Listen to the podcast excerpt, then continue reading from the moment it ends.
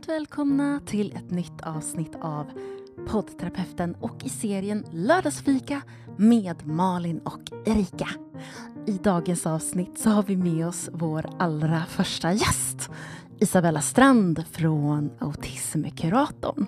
Och vi pratar om NPF-diagnoser, parrelationer, parterapi, medberoende och mycket, mycket mer. Jag vill bara lägga in en liten flaggning för att ljudet inte är hundra. Ehm, så vi var lite valet och kvalet. Ska vi ändå lägga upp avsnittet eller är det helt enkelt för dåligt ljud? Men vi bestämde oss ändå i slutändan att innehållet är trots allt så pass bra och viktigt att eh, vi lägger ut avsnittet. Så hoppas vi att eh, du som lyssnar har överseende med ljudet idag. Nu kör vi. Mycket nöje!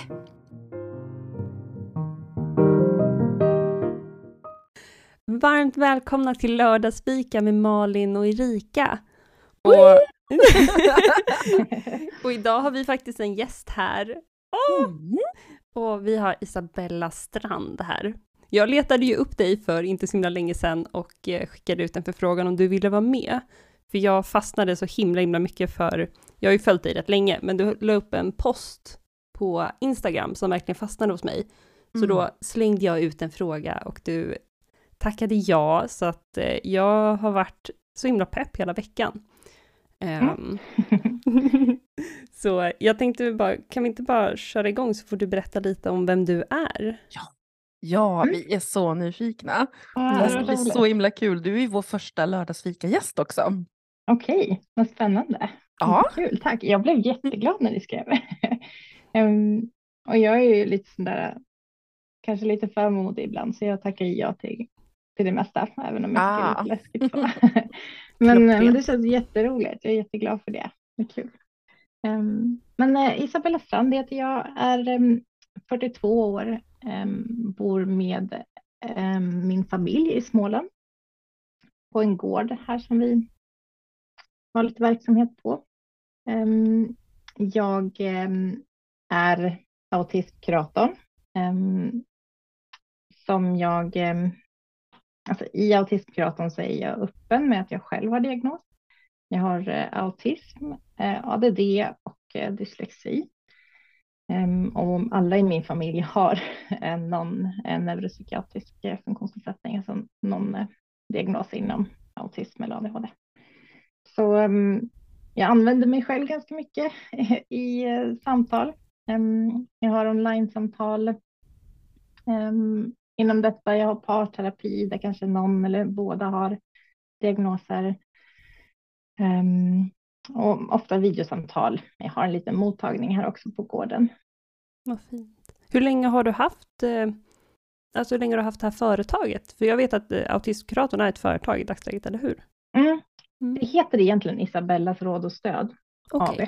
AB. Ja. det, det var väldigt mycket, ja, det var jättesvårt att hitta ett namn som blev godkänt helt enkelt. Ja. Men eh, Autistkuratorn är mitt varumärke. Eh, och det startade jag för två år sedan när vi skulle flytta ner från Västerås där vi bodde tidigare till den här gården där jag bara kunde ta med mig en del av mitt jobb så att jag behövde vara lite innovativ och, och hitta på något och då tänkte jag att det här med, eh, med, med samtal, jag har jobbat som kurator innan, eh, att det vore spännande och och köra det som, som just, alltså i, det här, i det forumet. Alltså jag gillar ju verkligen det här med namn ja. och ord. Så jag tycker också, jag bara älskar ditt, alltså du har ju ditt konto heter ju också Autismkuratorn, eller hur? Mm.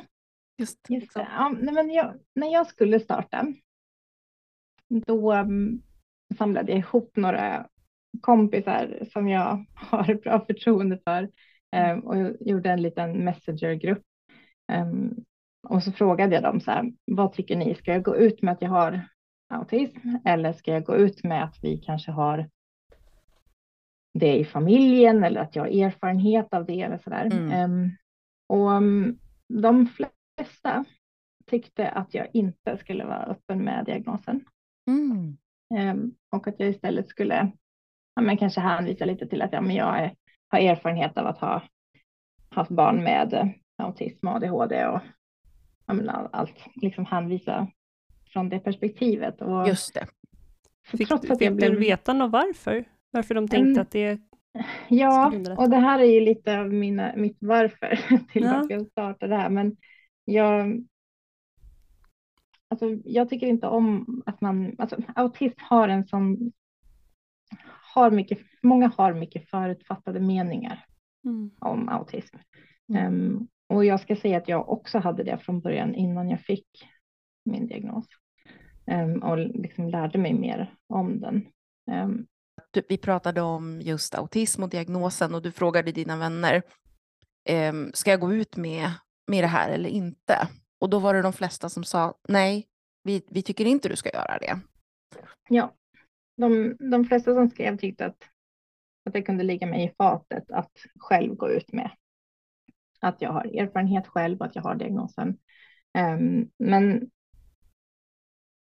de var naturligtvis rädda för att det skulle skälpa mitt företag. Att, att, att, man inte skulle våga ta kontakt med mig för att man kanske har mycket förutfattade meningar. Och, um, alltså det här är svårt, det här finns liksom kvar. Ja.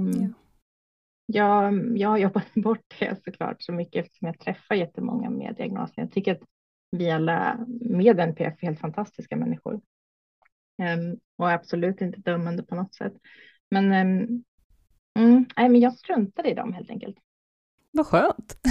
Sen, nej, det finns många kuratorer. Det finns många att vända sig till inom vården och privat. Och, alltså, det, är liksom, det är så här jag kan utmärka mig. Jag är den jag är. Jag har liksom, på grund av att jag är öppen så mm, så kan man liksom direkt hoppa in i samtalen också. Det är liksom inga konstigheter. Jag förstår. Um, anhöriga kan få ett perspektiv av mig som de inte kan få av någon annan. Um, de med egen diagnos kan få förståelse och insikt i vad det är som händer och varför det blir så och vad är svårt. Och liksom, jag kan ge så mycket mer än, um, än till exempel i vården. Det var en eh, vis person som sa det till mig en gång att om du ska bestiga Mount Everest, låt säga, vem skulle du helst vilja ta med dig? Någon som har skrivit massa böcker om det eller någon som faktiskt har varit där? Ja, mm, helt rätt. Och det är väl ungefär så, eh, mm. så som jag hör dig säga. Det är liksom, du, du, är, du har varit där, du är där, du, du har varit på Mount Everest, liksom. du bor på Mount Everest. Ja, precis varje dag. ja, så är, är det någon som verkligen vill veta om Mount Everest, då är det dig man ska vända sig till. Liksom. Ja. Mm. Det blir så himla slagkraftigt, tänker jag på något sätt också, att det blir, det blir så äkta. Eller det blir min, min upplevelse, eh, när jag bara hör dig beskriva, att det blir väldigt äkta, de mötena du får med mm. dina klienter.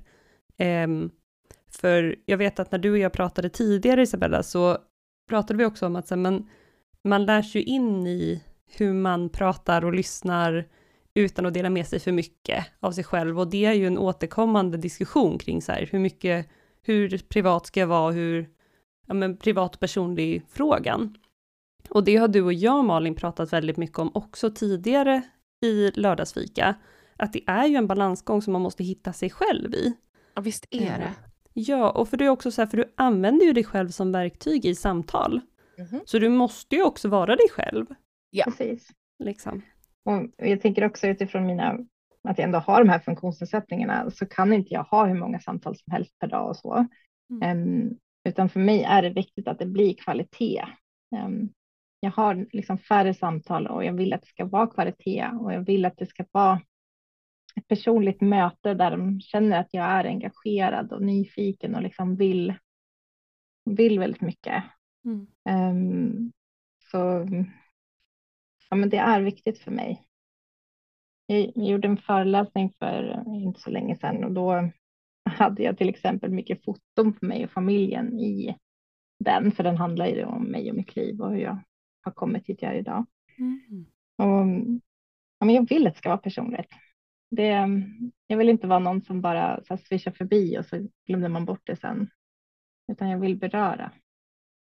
Um, och ehm, Sen vet ju ni också det att man oftast förstår bättre och kommer ihåg om man använder exempel när man förklarar. Definitivt. Så min fru och son eh, hamnar en del i detta. um, men, eh, men de är helt okej med det. Um, jag har naturligtvis pratat om det och tycker, de tycker inte det är någon fara. Och, um, jag berättar inte de här liksom, djupa, svåra sakerna, absolut inte. Um, det finns en gräns för mig också. Men, men jag berättar saker som andra kunder liksom säger och tar exempel och ja, jag tycker att det, det är liksom rätt för mig.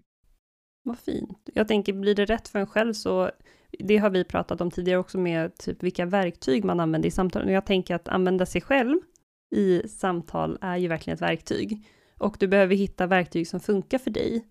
Um, för jag och Malin har som sagt tidigare pratat jättemycket om vad vi gillar att använda och det spelar egentligen inte, alltså forskningen säger det spelar inte så stor roll exakt vad du använder mer än att du som behandlare tror på det. Och att du liksom litar på det och kan dela med det på ett bra sätt. Sen är det upp till klienten att plocka med sig det som är viktigt för dem i mötet. Um, och sen jag menar, jag har ju ändå profilerat mig som det här och de som kommer till mig, de vill ju ha den liksom kunskapsluckan mm. Um, som saknas i vården och så. så mm. Så då tänker jag också, då sticker det ju ut på ett väldigt bra sätt eh, som blir väldigt inbjudande. För jag vet, Eh, du nämnde att eh, du, eller du nämnde tidigare i alla fall, att du, du gillar ju verkligen att jobba med par. Du, jobb, du nämnde att du jobbar med olika, både enskilda samtal och du håller föreläsningar och sånt där. Men jag vet att du gillar att jobba med par. Kan inte du berätta lite mer om det? Var, varför är det så roligt och hur hamnar du där liksom? Ja, alltså jag måste säga att ingenting blev som jag tänkte mig från början. Okej. Känner igen den. ja, men jag trodde nog att de kanske ja, vuxna med autism skulle höra av sig och liksom vilja få stöd och förståelse och sådär. Men alltså initialt var det jättemycket anhöriga till tonårsbarn som också var placerade på HVB och det var mm. självskadebeteende och det var så jättetunga situationer som de behövde gå med i, alltså hantera. Men eh, barnen hade ju eh, autism eller ja, men autism var det mest. Mm. Um, och efter det så kom det liksom in att det var ja, men andra anhöriga um, till äldre, alltså unga vuxna och äldre. Och, och sen kom paren. Okej. Okay. uh, så ja, Nej, men alltså jag har funderat mycket på varför det blev så. Um, och jag tror att det är för att det är de luckorna som finns i vården. Oh. Om man inte har fått diagnos än, um, man har det bara svårt, man förstår inte vad som händer. de paren som kommer till mig har ofta provat andra vad heter det? Men parterapi inom kommun eller kyrka finns ju också. Och sådär. Okay. Men man, man säger att men de, de förstår inte vår problematik. Så det blir liksom inte bra. Vi kan inte få det stödet som, som de behöver. Det låter ju faktiskt rätt rimligt att man, om det är så att man växer upp och man har liksom, man kanske hittar sina strategier för att greja sig själv liksom och sin vardag, som man gör. Men sen när du då kommer in i relation som du faktiskt vill ska hålla, och olika delar av en liksom faktiskt kommer fram. För jag tycker ju att här, att gå i parterapi är ju något av det viktigaste man kan göra. Um, och då känns det ju så himla viktigt att få då förståelse och stöd av en person som faktiskt kan möta det bra. Och ibland kanske det kan vara den från kommunen, men då söker de sig till dig specifikt. Um, tycker, alla som söker sig till dig då, de här paren, är det så att en eller båda har diagnoser eller kan det vara odiagnostiserat och sånt också? Ehm, alltså det är lite både och. Ja. Man ser oftast ganska tydligt i första samtalet att det finns funktionsnedsättningar. Okay. Um, men um, ibland har en diagnos. Um, det här är min helt personliga mm. uh, observation är att det ofta är någon med autism eller autismliknande drag och sen har vi en med ADHD eller ADD. Att okay. det liksom är den kombon ofta som verkar dras till varandra. Mm. Varför tror du att det kan vara så? Eller någon av er, har ni någon tanke? Ja. Har du någon tanke Malin? ja, det, alltså det går ju jättemycket tankar. Alltså, um, jag vet inte. Det, det beror alldeles på lite grann tror jag, för visst är det väl även så att att även om du har en diagnos så finns det ju så spektra. Det, det, finns ju så mycket olika sorter i också diagnosen om man säger. Så om, men om du har sett en spännande eh, observation där så, så är jag jättenyfiken på vad du tänker om det. Mm. Um, alltså, jag har funderat lite på min egen relation för jag är gift med en eh, kvinna som heter Emily. Um, och um, hon har ADHD. Um, hon är ex, alltså väldigt energisk och det är liksom full fart.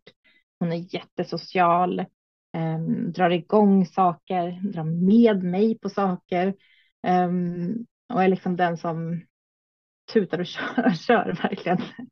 Um, och sen är jag den eftertänksamma, gärna vill kolla av först innan vi beslutar det där. Um, kan kasta mig iväg på det här tåget. Um, vilket jag ju inte hade, liksom, jag hade inte haft lika roligt om jag hade varit själv till exempel. Um, men hon är liksom jätteenergisk och jag är väldigt lugn. Um, jag behöver vila, jag behöver pausa mellan grejer. Um, min återhämtning är viktig, liksom att det blir lugn och ro hemma.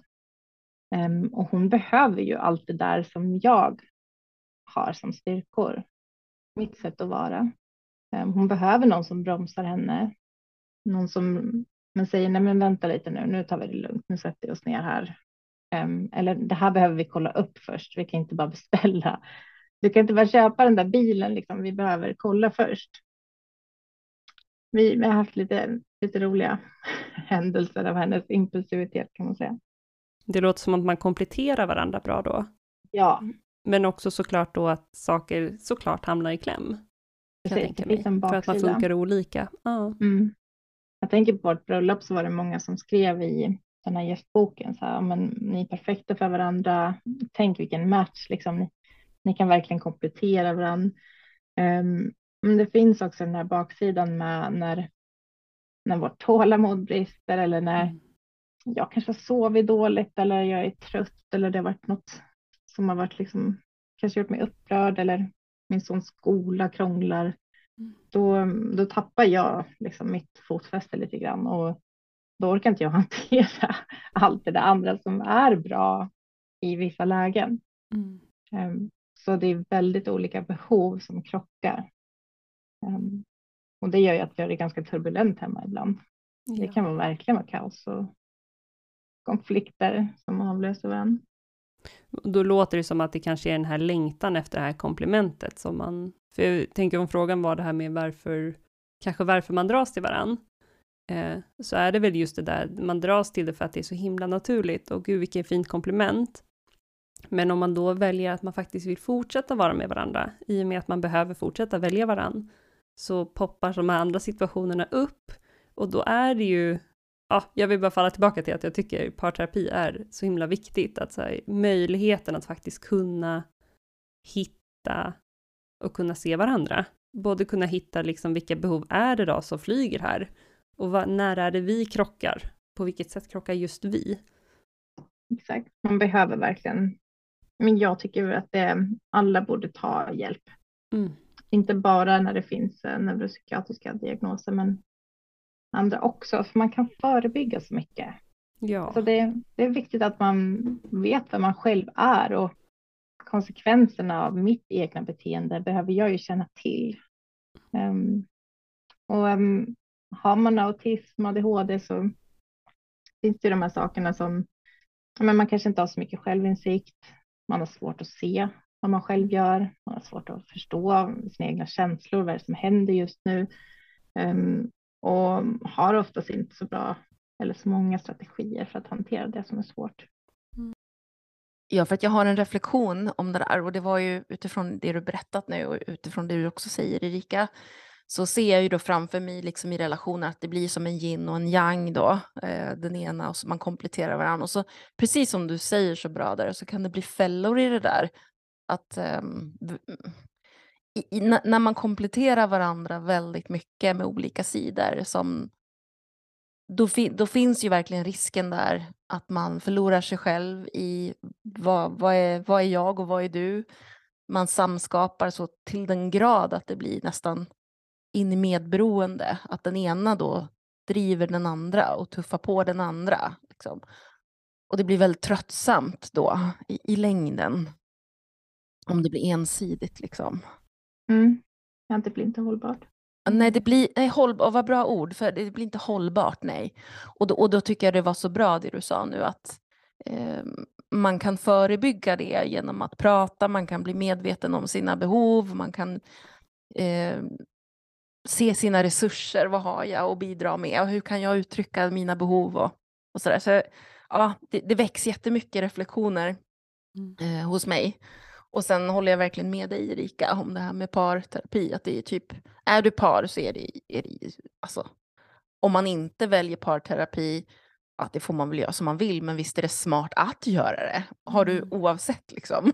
För snacka om att man investerar i, i sitt parskap då. Ja. Det är ju som om du skulle köpa en, en ny bil men du, men du har ingen lust att läsa manualen och du bryr dig inte liksom om var pedalen sitter. Klart man kan lista ut de här sakerna själv men, men varför inte investera lite då i det här? Um, på olika sätt. Det är klart att man inte måste, eller ja, jag snurrar runt mig själv här men men jag tror ni fattar vad jag menar. Jag tror mm. ni lyssnare fattar vad jag menar också. Det är väl jättebra att investera i någonting som man vill ska vara hållbart. Ja, och förebygga på något lite förväg. Att faktiskt förväg. innan mm. ni sitter i, innan ni sitter i så här, oh, alltså när ni har sårat varandra tillräckligt mycket, liksom på ja. grund av missförstånd. Om bilen bryter ner på en eh, mm. mörk väg ute i skogen liksom då önskar du att, att du hade kunnat din bil bättre. Ja. För då är det jättesvårt att ta upp manualen och börja läsa liksom, mitt i natten och mobilen har gått sönder och däcken har gått sönder. Och, och då bara så här, nej men nu tar vi och sätter oss ner och så tar vi och tittar lite på hur den här bilen fungerar. Ja. Det var en ganska rolig metafor faktiskt. Ja. mm. Men också ja. rätt, jag, jag gillar ju metaforer. Jag tycker den är väldigt talande också, för man sitter ju inuti en bil som ja. två individer och sen så bilen är vårat vi och vi behöver ta hand om den, vi ja. behöver serva den, vi behöver liksom Exakt. ta hand om det. Samskapande. Mm. Mm. Men flika in också en lite privat ja. grej, eftersom vi pratar om det här med privata. Eh, jag är ju skild och eh, det sista vi gjorde som vår, vår sista liksom, insats var ju att gå eh, till parterapeut. Okay. Och då förstår ni ju liksom att då hade ju vi varit gifta i massa år och vi hade varit tillsammans i 18 år. Och sista året av de 18 åren, då gick vi till en eh, parterapeut. Så snack, apropå bilen, liksom när allting har brutit ner och mm. så, så här, då, nej men nu, nu ringer vi efter bil, eh, vad heter det, tow, the car tower. Liksom. Mm. och, då, och i mitt fall då, det var ju för sent. Det var ju alldeles för sent. Det gick ju inte att rädda det. Så. Så, ja. så jag kan verkligen också skriva under på den där av personlig erfarenhet att är det, är det någonting som du är rädd om um, så finns massa sätt att göra det på. Uh, men uh, vänta inte för länge liksom. Nej.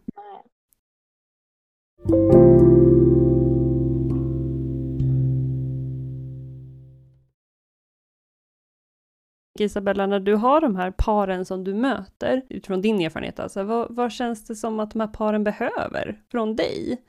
Um, är det någon som lyssnar eller är det tipsen nej. eller vad behöver de? Mm.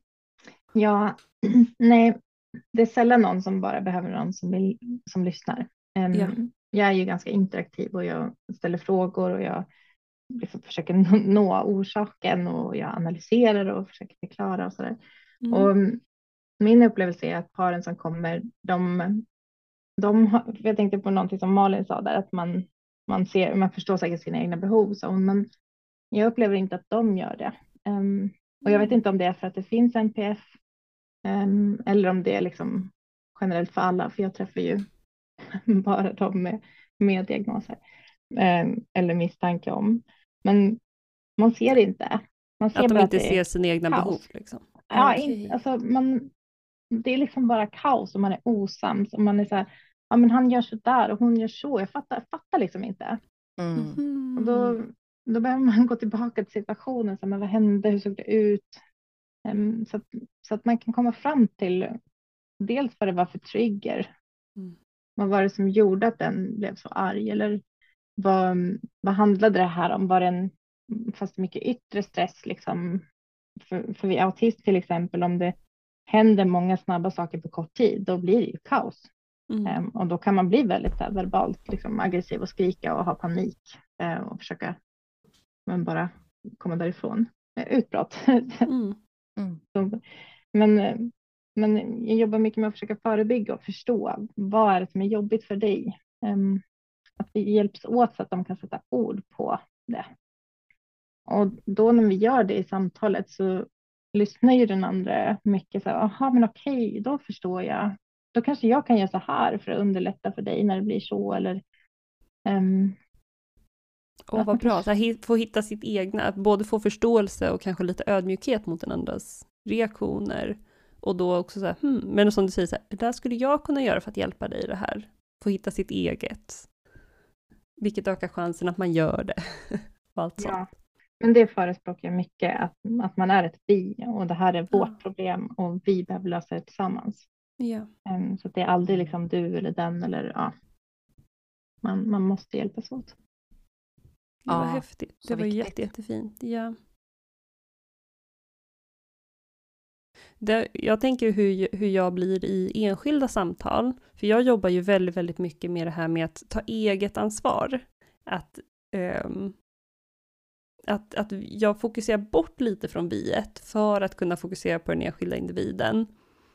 Uh, för att liksom stödja upp med att så här, du behöver ta ansvar för dina egna känslor. Det betyder inte att du inte ska få hjälp, men att du behöver, du kan inte skylla på någon annan. Um, och det låter ju så himla, alltså mitt huvud fastnar i så här, men gud, mitt, mitt fokus blir verkligen du, plocka bort viet. Även om ni är någonting extra så är det liksom bilens utsida, men du är individen som sitter och kör. Eh, men också att när man då går in i kanske en par, parsamtalssituation eller parterapisituation, då är vi ju där för viet. Att det verkligen är så tydligt, det är verkligen helt olika situationer du är i om du sitter i ett enskilt samtal eller om du sitter två. För du kan ju inte ta med den andra, för du vet inte vad den tänker, känner, tycker. Även om du kan ha tankar om det så vet du ju inte om inte den andra är där. Nej. Det är så sant. Gud, vilken bra. Mm. Oh. Ja, jag blev också så tyst. Jag bara, ja. ja. Det var så himla awesome. Ja. Men också att båda jobbar mot samma mål. Alltså det blir... Ja, man vill eller alltså åka båda med vägarna. Ja, men till precis, samma ställe liksom. Ja. Ja. Och eller båda vägarna är så viktiga och kompletterande ja. till varandra. Men det mm. där var också intressant, vi fortsätter på bilen, liksom, om den mm. ena vill åka till Paris och den andra vill åka till Stockholm, då blir det ju mm. supersvårt liksom. Ja. Det är vårt äktenskap. Ja. Då finns en handbroms i mitten. Just det, just det. Och så ja. sitter barnen i baksätet och bara, är vi framme snart. Ja, precis. Den också. Mm. De blir till Växjö istället. Ja. När ska vi bada? Nej. Ja. ja. Nej men gud, det är mycket. Det är mm. svårt. Det är svårt. Det är svårt att vara en bra partner och svårt att vara en bra förälder. Och... Jätte, jättesvårt. Det är som du brukar säga Erika, det är svårt att vara människa. Så. Men det är det ju verkligen. Ja. Malin, du nämnde det här med medberoende förut. Mm. Um, och det var ju efter ett, precis ett sånt inlägg, jag nämnde ju tidigare att jag slängde mig över dig, Isabella, när jag såg det här inlägget, för du hade haft, du la upp ett inlägg som fokuserade på, eller där du skrev att så här, under veckan så har jag haft rätt mycket fokus på medberoende i de samtalen du har haft. Och bland mm. annat så, du hade liksom fotat tavlan som du hade skrivit på för att liksom sådär, och du hade skrivit om vad händer då i liksom en dysfunktionell relation när den här kronisk stressen liksom ökar. Eh, och du nämnde bland annat både så symptom, svårigheter, konsekvenser. Kan inte du berätta mer om den? Um, så kan vi länka till det inlägget, bland annat då, i um, poddbeskrivningen. Så kan man se mm. det framför sig när man lyssnar. jag blev tipsad för några år sedan av en, en kompis att mm. jag skulle lyssna ja. på den här medberoendepodden som finns. Så bra. Uh, ja, verkligen. Och, och det var som en ögonöppnare för mig. I min familj så, men det var också ganska, alltså, vi hade psykisk ohälsa hemma, vi hade skilsmässa, jag hade ett syskon som inte ville prata med mig på några år, um, fastän vi bodde ihop. Um, det var liksom mycket som hände. Och min mamma mådde väldigt dåligt under perioder. Hon var ju ensamstående med oss. Um, och nu så är vi själva i det här och vi har barn och det är yttre belastningar och det är jättemycket man ska fixa som NPS-förälder. Och så har man, har man ofta med sig ett medberoende också. De, liksom, det finns några hörnstenar i, i medberoende, alltså de som är medberoende. Ehm, eller blir det, och det är att man ofta är en omhändertagande person. Men liksom jag vet inte om man kan säga bullmamma eller så, men någon som liksom fixar och donar och det är liksom eh, fint och kärleksfullt, trevligt och mysigt. Och, um, men sen kan man skifta till att bli ja, men bara mästrande. Ehm, om och då är man den som bestämmer, som pekar med hela handen. Så här ska vi göra. Du ska gå och lägga dig nu. Det här liksom, ja, men, de domderar eh, och inte gör familjen delaktig. Och så finns det faktiskt två till det är inte bara två beteenden, det är två till. Ehm, um, och då kan man gå över till att bli manipulativ. Um, ja, men att liksom försöka få, sig, få sin vilja igenom på, på andra sätt genom att manipulera. Jag vet inte om jag har några bra exempel där. Jag tänker att man, när man trycker på skuld och skam hos folk, tänker jag blir ju väldigt manipulerande. Absolut. Ja. Mm. Och sen den sista är martyr. Oh. då liksom, om man inte har lyckats få som man vill kanske under de här första tre um, sätten att vara på så kör man martyren att ah, men det är bara jag som städar. Det är bara jag som fixar allting hemma. Det är liksom, ni gör ingenting och, och då är det ju oftast inte så det är på riktigt. Nej. Men man upplever det i stunden och man, man använder det kortet för att man ska tycka synd om och få sin vilja igenom efter det. Apropå mer att trycka på skuld och skam. Ja. Mm. ja. ja. Och vilka starka alltså, tekniker eller verktyg att ta till. Mm. Mm. Liksom, den täcker ju liksom hela det täcker ju liksom hela spektrat av så här, okej, okay, du kanske inte, du kanske, jag kanske inte fångade in dig med den här omhändertagande fina, då testar jag så här, ah, jag orkar inte mer, så nu kör vi hela handen. Och det funkade inte heller. Alltså, åh, snälla gör det bara liksom. Mm. Eh, och verkligen att så här, det låter ju som att det blir en liten trappa. Man börjar med det här finfina och sen blir man lite rakare, sen så försöker man smusslas in och till slut så bara, men det här går ju inte, stackars mig. Liksom. Och då tänker jag på behov igen, då är jag tillbaka där. Ja. Alltså verkligen, för de flesta personer som går i den här trappan då, eh, det handlar ju om då, mm. precis som du sa Isabella, att det här handlar om personer eller i lägen då där du inte faktiskt själv vet att du har ett behov och du har inte hittat det själv än, att din kropp kanske har skrikit till dig länge att jag behöver vila eller jag behöver någonting annat, jag behöver det här eller sådär. Men innan du har hittat det så försöker du hitta det hos andra, att de ska hitta det åt dig. Och när ingen annan gör det, det är då du börjar med alla de här strategierna för att du försöker hitta och lokalisera och tillfredsställa ditt behov som du inte själv har hittat. Mm. och, då, och det är då man gör de här sakerna. Eh, för du, du är inte medveten om eh, att det faktiskt handlar om ett behov.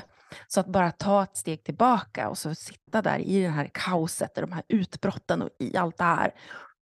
Bara ta några djupa andetag och fråga sig själv liksom, jag vill någonting nu som jag nu mm. vill att de andra ska veta om mig och göra och tycka och uppfylla.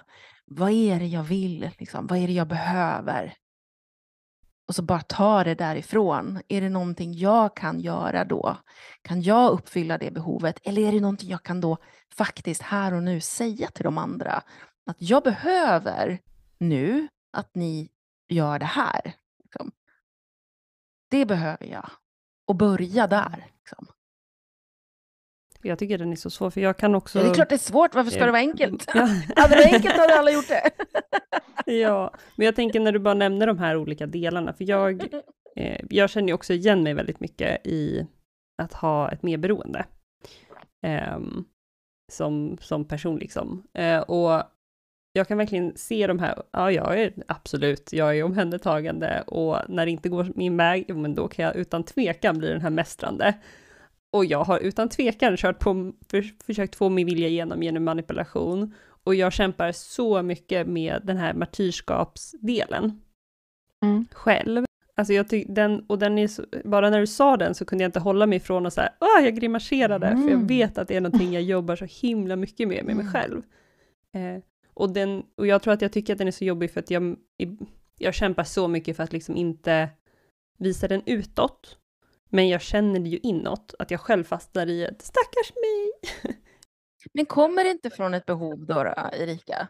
Jo, jo, jo, jag tänker att den är där av en anledning. Ja, men precis. Alltså det, kom, det finns ju allting, alla de här stegen och det vi kämpar och, eller, och även om vi inte tycker att det är fina sidor så att säga, så mm. är det ju mm. fortfarande viktiga signaler. Liksom. Jo, ja. jo, och den, men, men just de här, för mig i alla fall så tycker jag att de här när jag tar till de här andra grejerna, hela det systemet är ju att trycka mig bort från mitt behov. Utan jag landar istället i att, men det är min sambos fel att jag mår så här. Och det är för att han inte gör X, Y, Z. Ja. Eh, och att jag sitter och tänker det och sen så behöver jag liksom prata med min bästa vän som vet att jag gör så här, som säger, men är det här så här då? Är det, stämmer det här du liksom, stackars mig, så bara, nej, nej men det gör ju inte det. Så bara, okej, okay. om jag ska tillbaka, men vad är mitt behov då? Vad är det jag saknar? Vad är det jag behöver? Det är inte att han ska diska, utan det är något annat kanske. Kanske typ att man har ett behov av att bli sedd, man har ett behov av att bli hörd, ja. man har ett behov av att någon mm. uppmärksammar en. Eh, om man ja. har ett behov av att känna sig attrahera, alltså attraktiv, att någon, att någon liksom är intresserad av en. Alltså det, vi är ju verkligen komplicerade varelser på ett sätt, men också ganska enkla på ett annat. Så det handlar ju mycket om sånt, att finns jag, syns jag, hörs jag? Mm. Jag, tänker också att grundbehovet förmodligen handlar ja. om att bli älskad. Eh, och så. Ja, exakt. Mm. Precis så. Mm.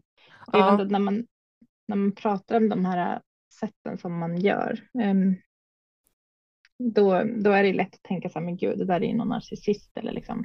Men alltså beteendet är ju verkligen dysfunktionellt och det är inte sunt. Men det är mm. inte, det är såklart narcissisterna också, men det är helt vanliga människor också som använder det här för att man har det här bagaget med sig uh, ja. av, som en konsekvens. Det där är jättemänskligt mm. beteende. Det där, är, mm. det där kan nog alla sträcka upp en hand på att de kan känna igen sig i. mm. men, men kanske inte lika... Eh, det är inte, en rolig, det är, det är inte roligt att erkänna det, liksom, att vi funkar Nej. så. Men jag tror att de, Nej, flesta, de flesta gör det. Alltså. För att erkänna det så måste man ju ta på sig det här. Exakt. Att jag gör fel. Ja, ja eller, och... eller, att man inte har lyssnat på... Ja men precis, och det behöver inte handla om att man, om att man gör fel, alltså igen. Men, men det handlar ju definitivt om att du har någonting som du inte har lyssnat på hos dig själv än. Och det mm. finns ju en möjlighet att göra det och då kan man ju ta stöd och hjälp med det. Mm. Jag brukar säga att man måste bli expert på att kommunicera. Ja, just det. Och det är så jäkla svårt. Ja.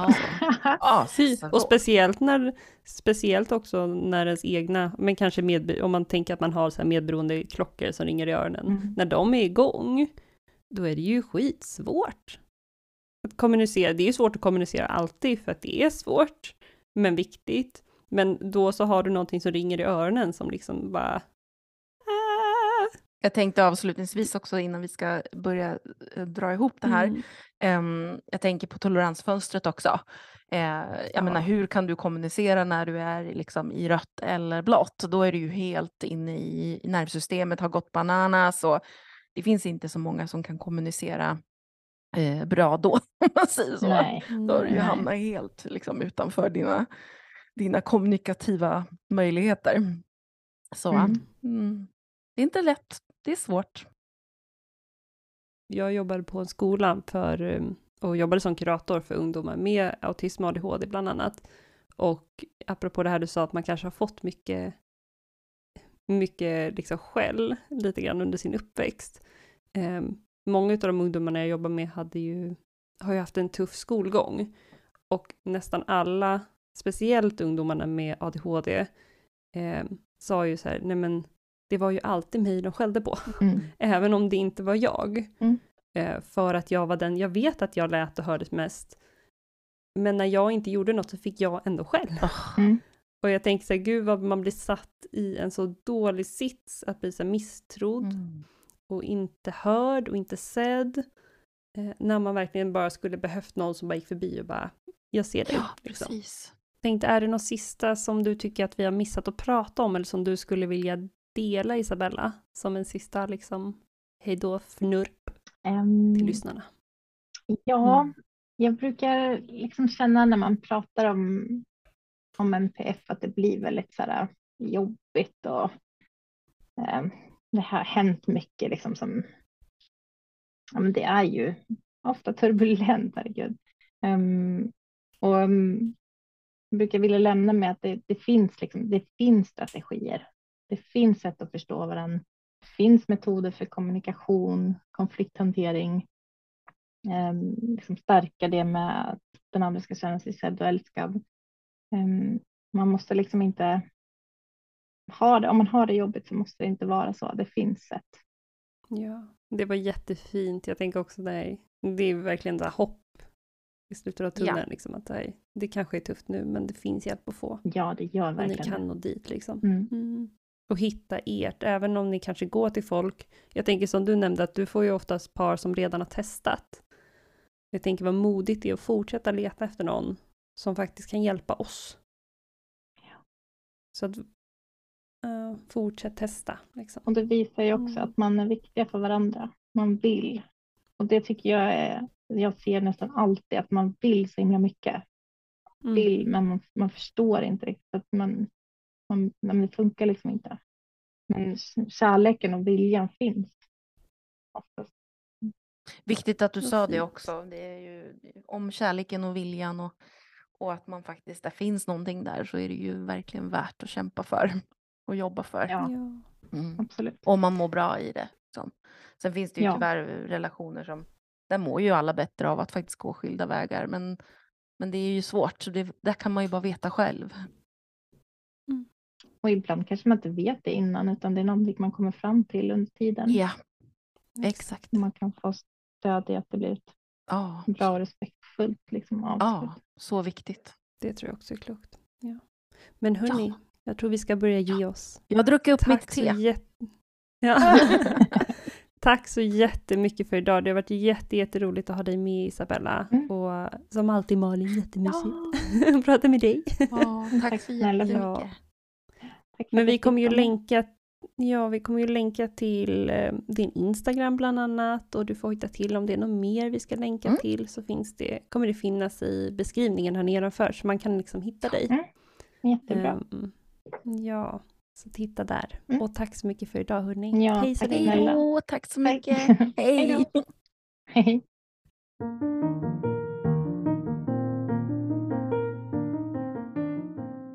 Och det där var allt för dagens avsnitt av poddterapeuten och lördagsfika med Malin och Erika. Stort tack Erika och stort tack Isabella för att du delade med dig. Och tack till dig som har lyssnat. Om ni vill komma i kontakt med Isabella så länkar vi beskrivningen här i avsnittet. Nästa vecka blir det ett nytt samtal om avsnitt. Vi hörs snart igen hoppas jag. Hej då!